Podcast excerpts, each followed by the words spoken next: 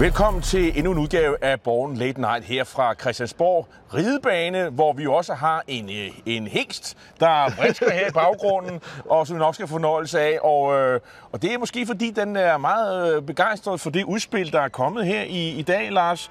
Danmark kan mere 1 og romertal 1, og det betyder jo så, at der nok kommer et Danmark kan mere romertal 2. Men i hvert fald et udspil, der har virkelig taget dagsordenen her på, på, på Christiansborg. Et længeventet udspil, der jo skal svare på det her synes, arbejdsudbud, som regeringen skylder de radikale for. Og i dag der fik vi vel et svar. Altså, hvis den finanslov, Nikolaj Mammen fremlagde i forrige uge, var kedelig, så må man sige, at det her udspil, Danmark kan mere, og vel at mærke netop romertal 1, for der kommer flere i rækken, så er det ganske politisk dramatisk. Ikke forstået på den måde, at regeringen nok ikke kan komme igennem med det her, fordi jeg tror, at her bliver der bygget en meget stærk bro for Socialdemokratiet ind over midten til de borgerlige partier. Det er en klassisk reformdagsorden, der har kørt fra Poul Slytter over Poul Nyrup, Anders Fogh, Lars Løkke, Helle Thorning og nu Mette Frederiksen. Hun fortsætter i virkeligheden af det spor ind over midten. Så det bliver ikke dramatisk i den forstand, at hun ikke kan komme igennem med det her. Det tror jeg i høj grad, hun vil. Men det er dramatisk forstået på den måde, at her snakker vi om rigtig politik. Vi snakker om nogle ret drastiske og også i mange tilfælde kontroversielle forslag. Hvis vi nu kaster os ud først i det her med dagpengene, det er jo altså øh, en, en, et, et, et elektrisk kabel, der på en eller anden måde er i dansk politik, som mange har brændt nallerne på. Men, men hvad er det, der sker her? Jamen altså, det er jo de studerende, der skal betale øh, for Arne-reformen, som jo sov cirka 10.000 ud af, af arbejdsstyrken, øh, sådan i runde tal over øh, på det lange sigt. Og øh, de skal altså levere de 8.000. Det synes jeg, det der er konklusionen. Så det er fordi, ved det, at man sætter dimittentsatsen ned, altså den sats, som unge akademikere får, øh, når de er medlem af en A-kasse, og, øh, og øh, i hvert fald det første års tid. Men sådan set også andre faggrupper, den bliver, nyuddannede. Den, ja. den bliver sat, sat ned, men det er specielt dem, man har været ude efter. Det er dem, der er bedst til at forklare, fordi der er ikke rigtig nogen, der har noget, der har ondt af øh, unge, øh, nyuddannede akademikere, fordi man ved, at på, på lang sigt, øh, når de kommer længere frem og får de fede jobs, så, øh, så får de også nogle meget højere lønninger, end man i øvrigt gør i, i for eksempel de gamle LO, FH fagbevægelse. Ja, altså man har virkelig stået med to forskellige udfordringer. Den ene, som du er inde på, det er, at man med Arne-reformen i virkeligheden har trukket godt 10.000 ud af arbejdsstyrken. Dem får man så til nu, så det i virkeligheden bare går i, i nul. Det er den ene del, altså Arne-reformen. Øh, og det andet er, at der er kommet godt gang i beskæftigelsen efter corona. Vi har faktisk rekordhøje beskæftigelsestal nu, og erhvervslivet vil gerne have adgang til mere arbejdskraft. Og der er det så, man konstaterer, at man i de senere år har uddannet mange, blandt andet for de videregående uddannelser, som ikke kommer i job med det samme. Dem forestiller man sig, i stedet for at de skal sidde og vente på at blive øh, altså, øh, psykologer, eller hvad det må være, så skal de ud og have et, øh, et job med det samme. Men det her er jo, skal man sige, det mest kontroversielle umiddelbart. Jeg kan se i det her øh, reformforslagsbunke her, øh, det, det, det er direkte udfordring af regeringens parlamentariske grundlag i form af enhedslisten. Og vi har kun øh, hørt knuppede ord øh, fra enhedslisten hele formiddagen, øh, da de så, at det var det her, som lå på bordet. Øh, og det er jo et forslag, som de radikale har været ude at foreslå sammen med de konservative. Venstre har været ude at foreslå noget lignende. Så målt alene på det her forslag, så ligger det fuldstændig, som du indledte med, til de borgerlige. Ja. Men ja. der er jo også milde gaver til skal man sige, det parlamentariske grundlag til regeringens venner i fagbevægelsen? Ja, altså der er øh, særligt to tiltag, som man er glad for i fagbevægelsen. Det ene det er, at man hæver fradraget i forhold til kontingenter, så fagforeningerne nu ligesom kan hæve deres øh, fagforeningsgebyr. Og det andet, og nok så afgørende, det er, at man også lægger op til at hæve øh, dagpengesatsen for helt friske ledige, altså i de første tre måneder. Og det er noget, der vil komme mange øh, sæsonledige øh, til gode. Men altså, vel at mærke sige... ledige, for, skal man sige, ledige, der har skal man sige, været medlem af en A-kasse ret lang tid, ja, altså ikke... som har, skal man sige, har, har, har, har en, en tilknytning til arbejdsmarkedet. Og man kan jo sige, øh, det handler vel også om at gøre A-kassen mere attraktiv, fordi man har kunne se, at øh, folk forlader A-kassen. Jeg kan da sige, at jeg har for eksempel øh, forladt A-kassen i dag, øh, som selvstændig midt i 50'erne. Jeg har ikke haft brug for den i, mange, i flere år. Hvorfor skulle jeg betale for det? Øh, og i øvrigt er, er den dagpengesats øh, så lille, så det ikke rigtig gør nogen forskel for mig. Så det er bare et eksempel på, at øh, her gør man for, et forsøg på at få, for specielt de unge ind i A-kassen. Ja, det kan man så diskutere, om det er det, der lykkes, når man samtidig sænker dimittentsatsen. Og det er jo på en eller anden måde altså den her balance, men hvor man altså fra regeringens side tydeligvis prioriterer, at de midalderne der er ude for sæsonledighed, de skal sådan set have nogle mere trygge vilkår ved at få en lidt højere ydelse i de første måneder, mens de unge, ja, de så får en, en lavere ydelse og skal ud i virkeligheden til andre jobs. Så der er altså tale om en omprioritering, kan man sige, altså væk fra de unge over til de middelalderne. Men, men selvfølgelig også en kæmpe fjerde i hatten til FH og Lisette, FH, FH Fagbevægelsen og Lisette Rigsgaard, som jo også, hvor man kan jo se, at i hvert fald det her med fradrag for fagforeningskontingent, mm. og der var, der var den, øh, og, og så det her forslag, det er jo sådan set øh, ting, som, som, som er groet i deres have, og, og det gør selvfølgelig også, at de ser igennem øh, fingrene med, at øh, det er så de her øh, nyuddannede akademikere, der kommer til at holde for. Ja, og der, og der vil jeg sige, at Mette Frederiksen her viser, kan man sige, en større sådan parlamentarisk snille mm. end hendes forgænger Helle Thorning.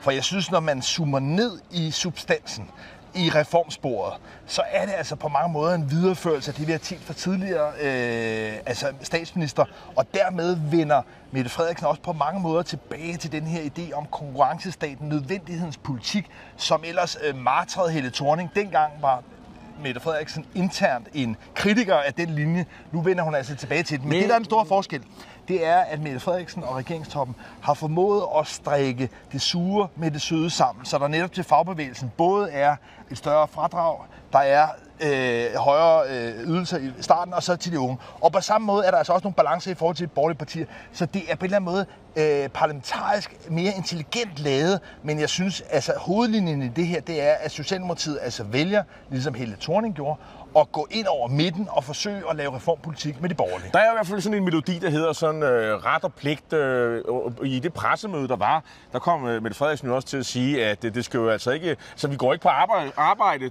Lars, øh, fordi vi synes, det er sjovt. Øh, ikke nødvendigvis. Øh, altså, det, det er noget, vi alle sammen bør gøre for ligesom at holde velfærdssamfundet i gang. Ja, hun sagde... Og, øh, og, og så kan ja. godt, man har det sjovt en gang imellem, og det kan jeg så sige, det har vi faktisk her.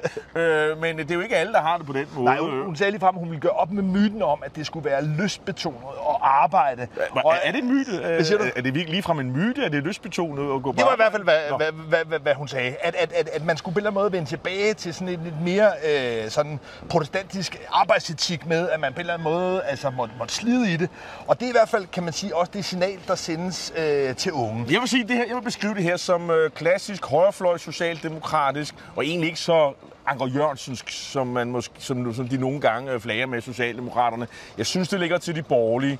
Øh, men der er jo faktisk også ting i den her pakke, øh, der, der vi kan også måske pege på noget andet, der, er sådan, der, der sådan, øh, er til de borgerlige. For eksempel det her med straksaktivering af, af, af ledige, og man er specielt ude efter skal man sige, dem, der kommer fra øh, lande uden for EU, som øh, kvinder fra jeg tror vi godt, vi kalder det at sige mellemøstlig øh, afrikansk baggrund, men i hvert fald mellemøstlig baggrund, som, øh, som ikke har en, en tilknytning til arbejdsmarkedet.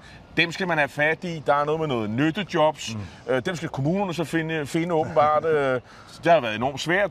Øhm, Men hvem er det, der er kommet med det forslag først? Ja, det er jo en, nok en blomst, der er kommet i, øh, i, i, i den blå borgerlige have. Ikke? Ja, på samme måde som den her idé om at sænke dimittentsatsen, i virkeligheden også for at finde lidt flere penge, penge til klimaindsatsen, det er også noget, Jacob Ellemann Jensen har øh, fremlagt. Så i virkeligheden, og det er jo sådan meget klassisk realpolitisk øh, sysmang fra regeringen, det er, at man altså har taget nogle af, af Venstres øh, profilforslag og strikket dem ind sammen med nogle, øh, nogle forslag, som fagbevægelsen også godt kan lide. Men det gør jo, at når det er Venstres forslag, man reelt fremlægger her, så kan du kalde det højre socialdemokratisk. Man kan også altså, bare sige, at det er det midtersøgende reformspor, som alle statsminister på en eller anden måde har fulgt. Så må vi så se, om der findes alle de der nyttejobs med at samle hundelorte og, og skodder op, som jeg kan forstå, at det er det, som øh, man skal gå for at få sin, øh, sin kontanthjælp. Held og lykke med det. Øh, det bliver spændende at, at se, hvordan det kommer til at, at, at, at gå. Øh, men en ting, som man umiddelbart kan få øje på det her forslag, det er jo det her med, øh, at det skal være øh, skal man sige, øh, øh Øh, dem, der har aktier, øh, og har mange af dem, øh, de skal så betale øh, ikke længere 42 procent, men 45 procent. Man kan sige, aktie øh, skattens, aktietopskatten, kan man sige. Hvis man spørger over, over de borgerlige, så siger de, det er, jo, det er jo den skat, alle iværksætterne betaler for at skyde kapital i, øh, i de her slunkne øh, iværksætterprojekter, som regeringen også omfavner. Så hvorfor gør de det? Så det er jo klart øh, en skat, som de borgerlige har fokus på, at have fjernet. Tror du, at de får held med det, Lars? Ja, jeg tror, man skal betragte det som allerede noget, der er trukket ud. Det er et paradeforslag? Jamen, det er sådan, når Nå. man sammensætter sådan en buket af forslag her. Så når man ligesom har fundet ud af fra regeringens side, hvad det er, man prioriterer, hvad der er vigtigst, så bagefter, så lægger man også nogle tisler ind i den her buket, som forhandlingerne så kan fokusere på at få trukket ud. Og det er helt klart, at de borgerlige partier, for at kunne dem for deres egne forslag, de vil have trukket den her tissel, som en højere øh, aktiebeskatning vil være for dem. Det vil de få trukket ud, og det tror jeg, man allerede altså, regner med. Altså, fra finansminister Nikolaj Mammens side, tror jeg ikke, man kalkulerer med, at det er noget, man vil stå fast på. Men det er igen, altså, man bliver nødt til i en forhandling at give nogle indrømmelser, og der er det, man taktisk så sørger for ligesom på forhånd at lægge nogle tisler ind, som så kan blive trukket ud, og, og det er så Og indrømmelser. hvis regeringen ikke fik fat øh, ikke, ikke havde, eller hvis, hvis de borgerlige ikke havde fanget den, hvad jeg ikke rigtig kan forestille mig, at de ikke havde fanget, jamen så var Nikolaj øh, Vammen jo der under pressemødet i dag, øh, og han talte om rødvinsreformen, som jo havde øh, f- øh, tidligere fjernet øh, en lille del af skatten fra 45 til 42, og nu rullede man rødvinsreformen tilbage. Og i den anledning har jeg selvfølgelig taget et, et rødvinsfarvet slips på øh, til ære for Nikolaj Vammen, som øh, lige fik mulighed for at være en øh, smule polemisk. Øh, det er ikke så tit, han er det. Nej, det er det bestemt ikke. Altså, Nikolaj Vammen har næsten gjort en dyd ud af at være øh, kedelig og være neutral og ligesom være alvorlig. Her var der for en gang skyld lidt svirp, da han ligesom omtalte den her rødvinsreform tilbage fra 2009, hvor det var der Lars Løkke som øh, ny statsminister på det tidspunkt, der gennemførte øh, den her større omlægning, som blandt andet betød, at man sænkede øh, aktiebeskatningen fra 45 procent til øh, 42 procent. men, men, men øh, øh, øh, vi kunne måske lige prøve at se, hvem, hvem skal, kan egentlig være med i det her? Jeg er enig i, Venstre Konservative, hvis de får fjernet, får fjernet de, øh, den her øh, skal man sige, tissel i form af aktie... øh, gevinstbeskatning, øh, hvis det er så, så, så har jeg meget svært ved at se, at de borgerlige øh, ikke går med. Men så kunne man jo prøve... Og så er der faktisk flertal.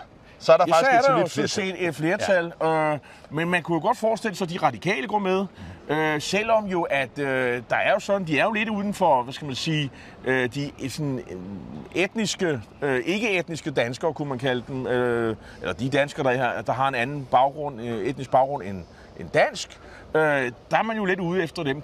Tror du, det er en anledning til, at de ikke. radikale siger, ej, nu er vi ude for vores øh, venner, øh, som er kommet hertil øh, og er flygtet hertil. Det er overhovedet og hvor, hvor det ja. ikke lykkedes øh, lillemor at komme i beskæftigelse, fordi at, at, at, at man har hvad skal man sige, haft nogle traditioner fra hjemlandet, hvor at konen går derhjemme og passer børnene. Overhovedet ikke. Altså, øh, udlændingepolitikken spiller ikke reelt nogen realpolitisk Åh, rolle det for radikale. det gør- ikke for de radikale? Ah, ikke længere. Så den sælger de? Ja, ja, fuldstændig. Også fordi man kan sige, at det her handler jo sådan set om integration.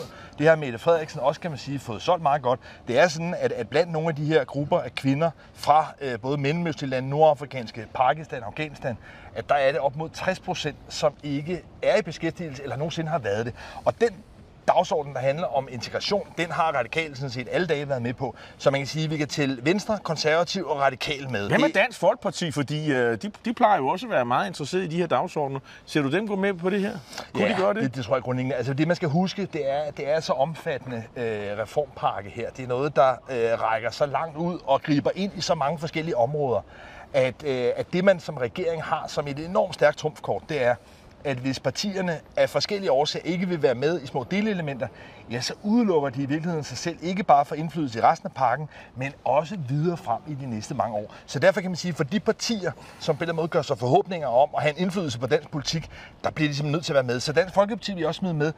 Enhedslisten til gengæld. Men lad os lige, Vi- lad os, ja. lad os lige vende med enhedslisten. Øh, lad os bare tage enhedslisten.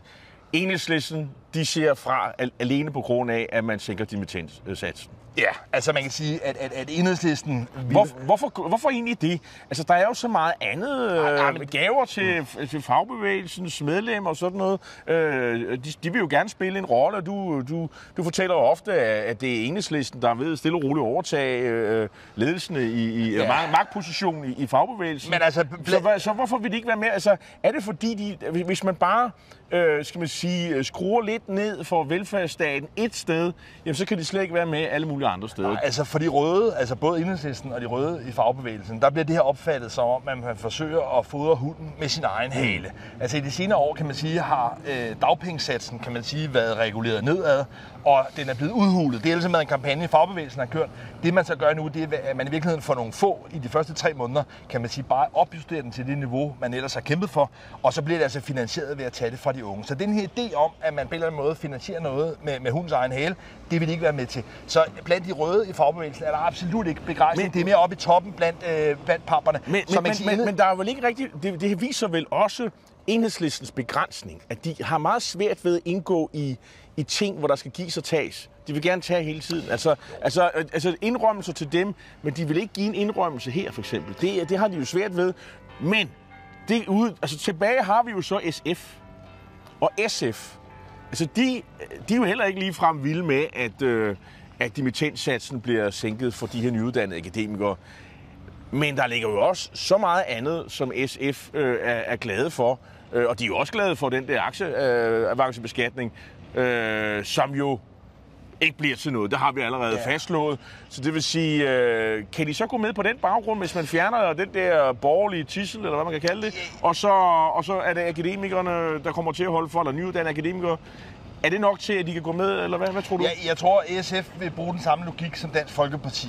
Netop det her med, at der trods alt er en lang række ting, som de synes er positive, og at de gerne ligesom vil være et såkaldt ansvarligt parti og være involveret i de videre forhandlinger. Så SF, altså der kommer til at være en splittelse, der kommer til at være folk i SF, som vil være imod det her. Mm. Øh, også fordi enhedslisten vil profilere sig på at være imod. Og lige bare en sidste krølle med Hvem er, hvem er for, folk i SF? Er det sådan uh, enkeltmedlemmer, Carsten Hønge og sådan nogen, der der, der er Lisbeth Bæk Poulsen, der vil slå sig selv i tøjet og, se, og ende ikke at stemme for? Eller er det det, du forestiller nej, nej, nej, nej, nej. Der, der, har Pia Olsen dyr øh, efterhånden øh, styr på tropperne, så der kommer ikke til at være på den måde en, en, en splittelse. En Øslem Sekic-situation øh, eller sådan Men jeg siger bare, at i SF, blandt mange af også de øh, kommunale kandidater, der nu skal ud og føre valgkamp, der vil der være en modstand. Og det skyldes altså også, at enhedslisten vil være imod, og enhedslisten er i høj grad imod det her, fordi hvis de gik med i sådan en form for det her, så tror jeg altså, at vi vil begynde at se en afskalning til venstre. Altså, enhedslisten har hidtil været begunstiget af, at der ikke er kommet et endnu mere rødt og revolutionært øh, parti. Og der tror jeg, at man har lært lidt også af Dansk Folkeparti, at da først øh, Christian Tulsendal begyndte at gå for meget med i de her alvorlige, store øh, forlig, ja, så skete der altså en, en, en udvandring lidt af deres proteststemme, og så var det, vi så nye borgerlige pop op.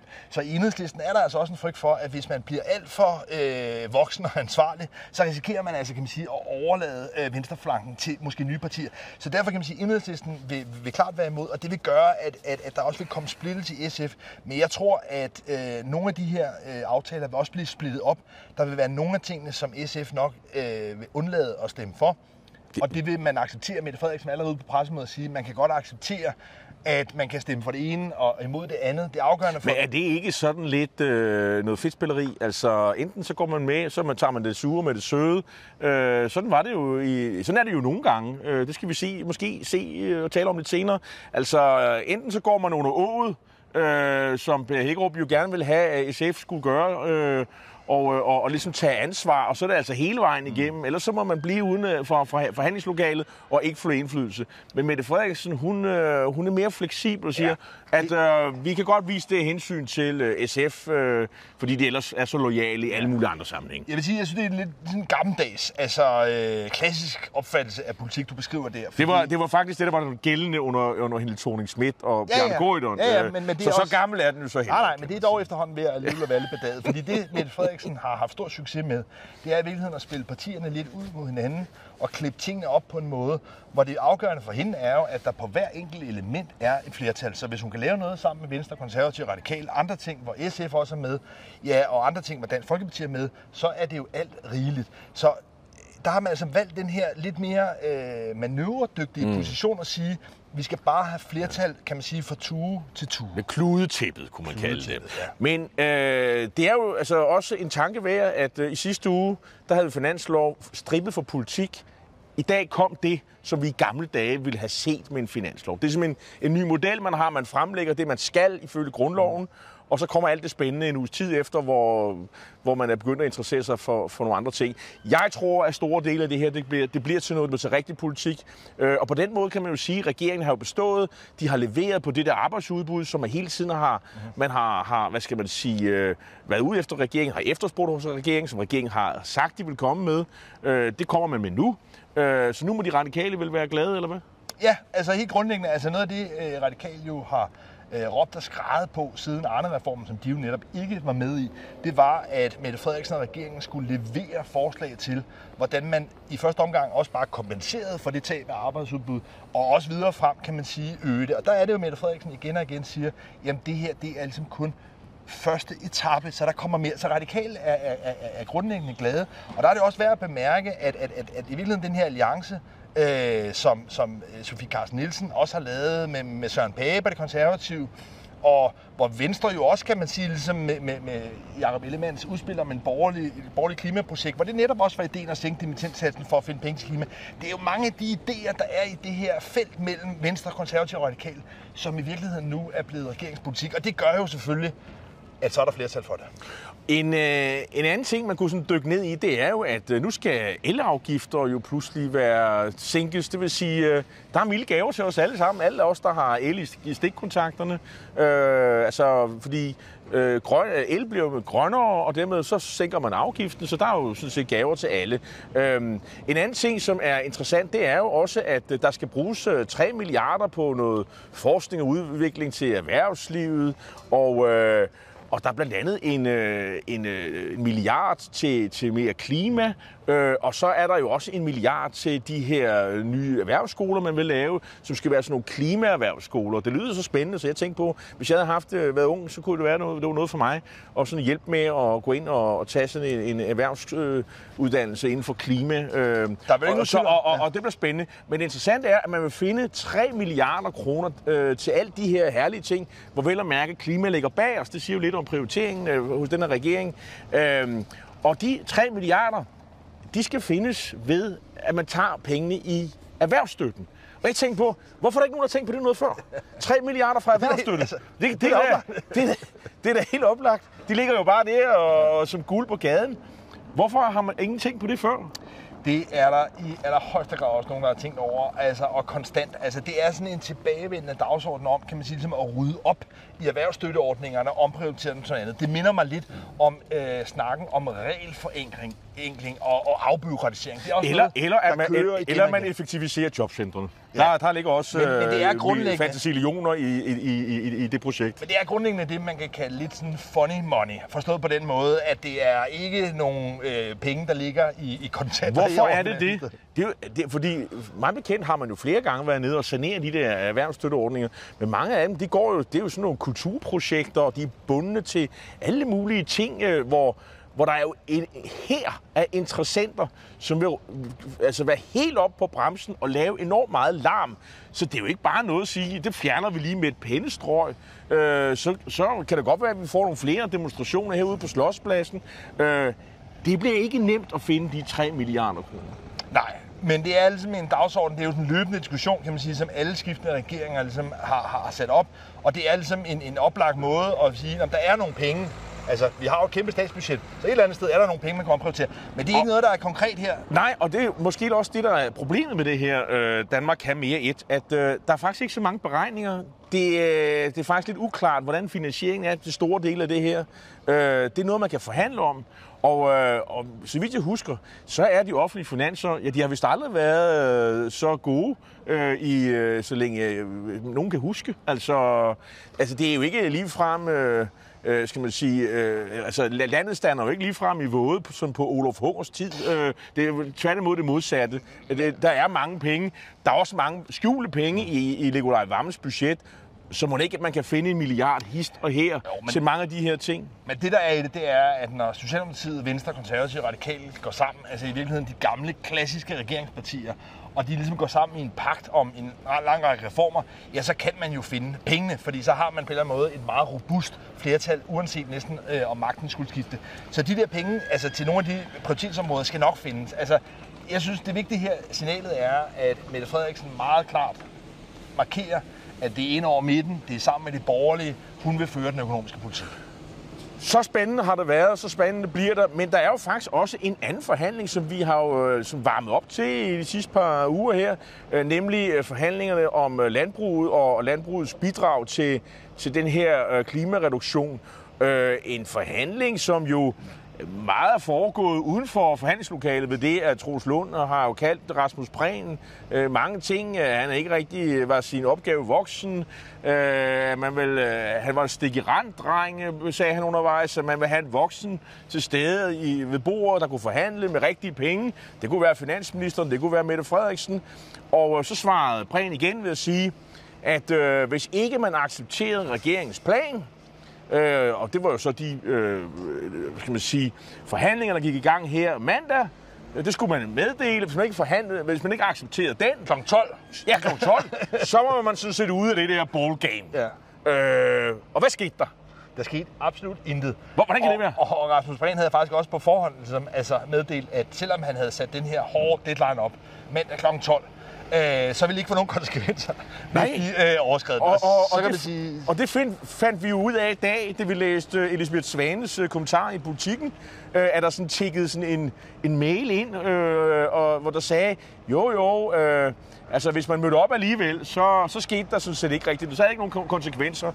Jeg har, det er sjældent, jo... jeg har sjældent set en minister puste så meget op, og så og så, det er jo maveplasker. Men det er jo øh, han udstiller jo grundlæggende sig selv. Hvorfor gør han det? Hvorfor tager han ikke bare imod og siger, ja, ja, lad dem dog snakke, vi ser. Det er der en simpel forklaring på. Rasmus Prehn, fødevareministeren, er stik i dreng. Altså, når øh, Venstres finansordfører Troels Lund Poulsen kalder Rasmus Prehn en stik i dreng, så er det jo rigtigt. Altså, Rasmus Prehn har ikke mandat, han har ikke pengene men er det til klogt, at kunne forhandle. Men er det klogt, at Venstres øh, ordfører og sådan ydmyge minister på forhånd på den måde, synes du? Det er jo i hvert fald, altså kan man sige, et meget højt spil. Øh, det er meget risikabelt at, øh, at køre det så hårdt op. Men realiteten er, at Socialdemokratiet ikke tør lave en landbrugsreform, som kan få stor indvirkning, økonomisk effekt i forhold til Men... en lang række øh, bedrifter, landbrug omkring landet. Det tør Socialdemokratiet ikke gøre uden Venstre. Men, men, det har Troels Lund Poulsen læst, og derfor kan man sige, at Rasmus Prehn i den jo lidt ydmyge rolle, det er, at han kan pusse op men før eller siden bliver han nødt til at få Venstre med. Men, men hvad der er sket? Øh, har, har, har Mette Frederiksen givet ham en, øh, en ordre om at sige, det, hvad end du har sagt, så bliver du nødt til at præcisere over for Venstre Konservative, at de er hjertelig velkommen her på mandag. Er det det, der er sket, siden han øh, blev nødt til at sende den der mail, tror du?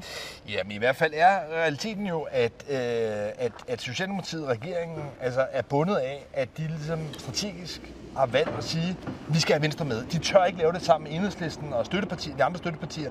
Og derfor er der jo en risiko også for Rasmus Prehn, når han puster sig op, ved at Venstre lige pludselig sagde, jamen okay, men så kommer vi ikke. Altså hvis nu Venstre ligesom havde konstateret, jamen I har sat en linje op her, deadline op kl. 12 mandag, vi kommer ikke, vi kan ikke acceptere det her, det så var brudt sammen, så vil øh, altså, Socialdemokratiet komme i den rolle, at så ville de jo være nødt til at forhandle med støttepartierne, og kan, det vil de ikke. Kan du huske dengang, Lars, da vi var drenge, og vi spillede fodbold, og så var der en, der simpelthen sparkede bolden langt ud af banen, og så sagde vi alle sammen, det er en selvhenter. kan du huske det? det kan jeg godt.